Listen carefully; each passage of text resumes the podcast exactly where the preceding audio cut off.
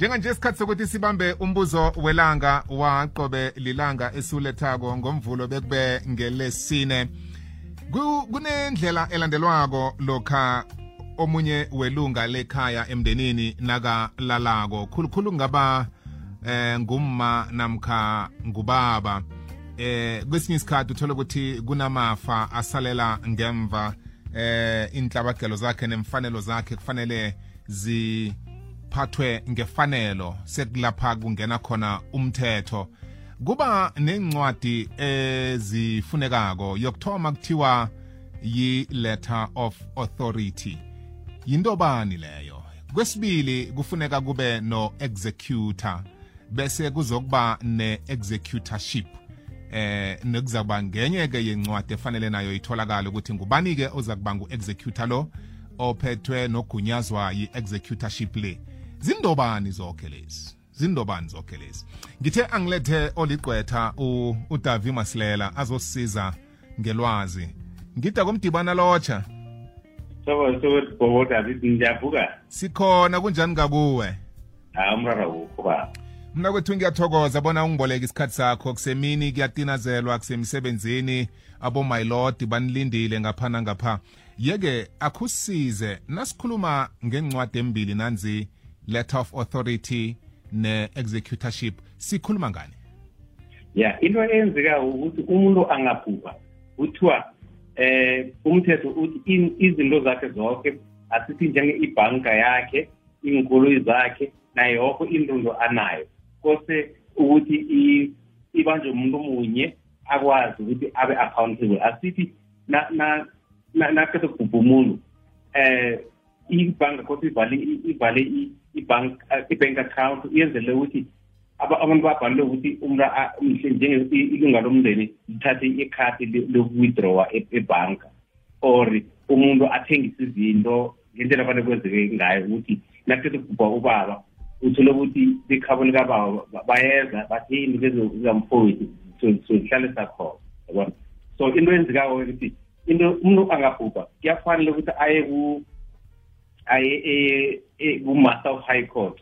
Nakho ayokuripota i-estate and then uya ne-death certificate ne-marriage certificate. Nakho konke iy'nhlabagelo zakhona and then-ke nakhibe i-estate iy'ncane mhlawumbe i-less than two hundred and fifty thousand.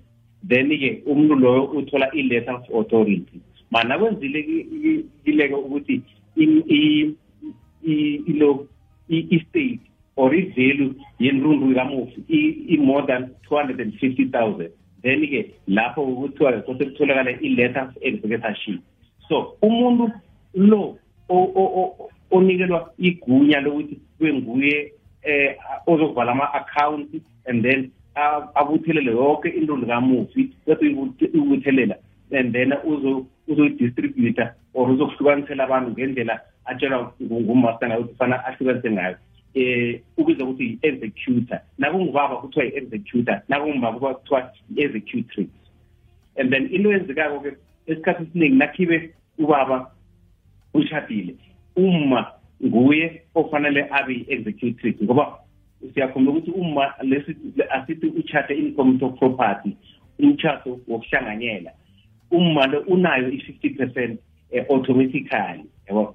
So eh kufanele kube nguye u- u- u- u- u- umma lo o- oba yi-execu- i- i- i- executrix naye nobaba njalo nagubhe umma eh leyo aka- akanominatwa so nagubhe ubaba-ke asigubhe ubaba umma akekho abentwana-ke abentwana-ke abentwana kose banominate am- izilamana kose zinominate munye umntwana kuthiwa mhlawumbe lizibulo akunangaba ukuthi lizibulo or or maswaphela or uphakathi and then nje baqale bambona ukuthi uyathumeka and uyathembeka.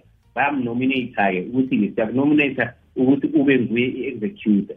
Into eyenzekako-ke naye kufanele asayina amafomu amafomu akhona abizwa ukuthi-ke um i-acceptance. Ukuthi ngiyavuma ukuthi nginominatile or ngikhethile ukuthi ngimijamele. And then into eyenzekako nawe uyi-executor akusho ukuthi wena unamandla amaningi kunabantwana abanye or izinto lezi ngezakho isitsho ukuthi-ke nakuyikoloyi unguwo ku-driver seat. Nguye ofanele uchayele izinto lezi and then-ke nakhibe imali akhona is more than or inrundu nayipheleleyo yoke ngaphezu kwe-two hundred and fifty. Then kuba negqwetha eliba khona-ke libizwa ukuthi i-agent lihelebhana nawe-ke ukuthi nikwazi ukuraga into ngoba into eyenzekako nawi-executor eh kumele kufanele u-advertise and then ku-government gazette negranteni linye mhlambe or elinye nelinye. And then utsho ukuthi utshela abantu akade bakolodwa ngumufi ukuthi uzibanibana bhubhile bawe-ke ukuthi-ke nathi-ke uyanikoloda vela ngaphambili ngoba ingasikade sokuthoma sihlukaniselane izinto so nakhibe-ke awusiligqwetha kezowazazi into that's why-ke kuthiwa nawe executor and then imali or inlulu is more than two hundred and fifty thousand kufanele kuthole igqwetha ngikuzwile ngida komdibana ngithokoza khulu kwamambala. Yeke nakuthi ipahla kababa ayisi inengi ukudlula i-250,000 lapho-ke kula kuyokusebenza khona mhlawumunye leya ncwadi ebesikhulumise ekuthomeni besithi yi-letter of, of authority. Eh, ngiyokwaphela mhlambe ecalwako ukuthi itholakale. Ya yona-ke njenga abantu bakwaNdebele eh uyakhona uya endibane bangakwenzela or uye embibane or uye siyabuso bafuna ukwenzela and ke eh abi ayinanto eningi-ke yona.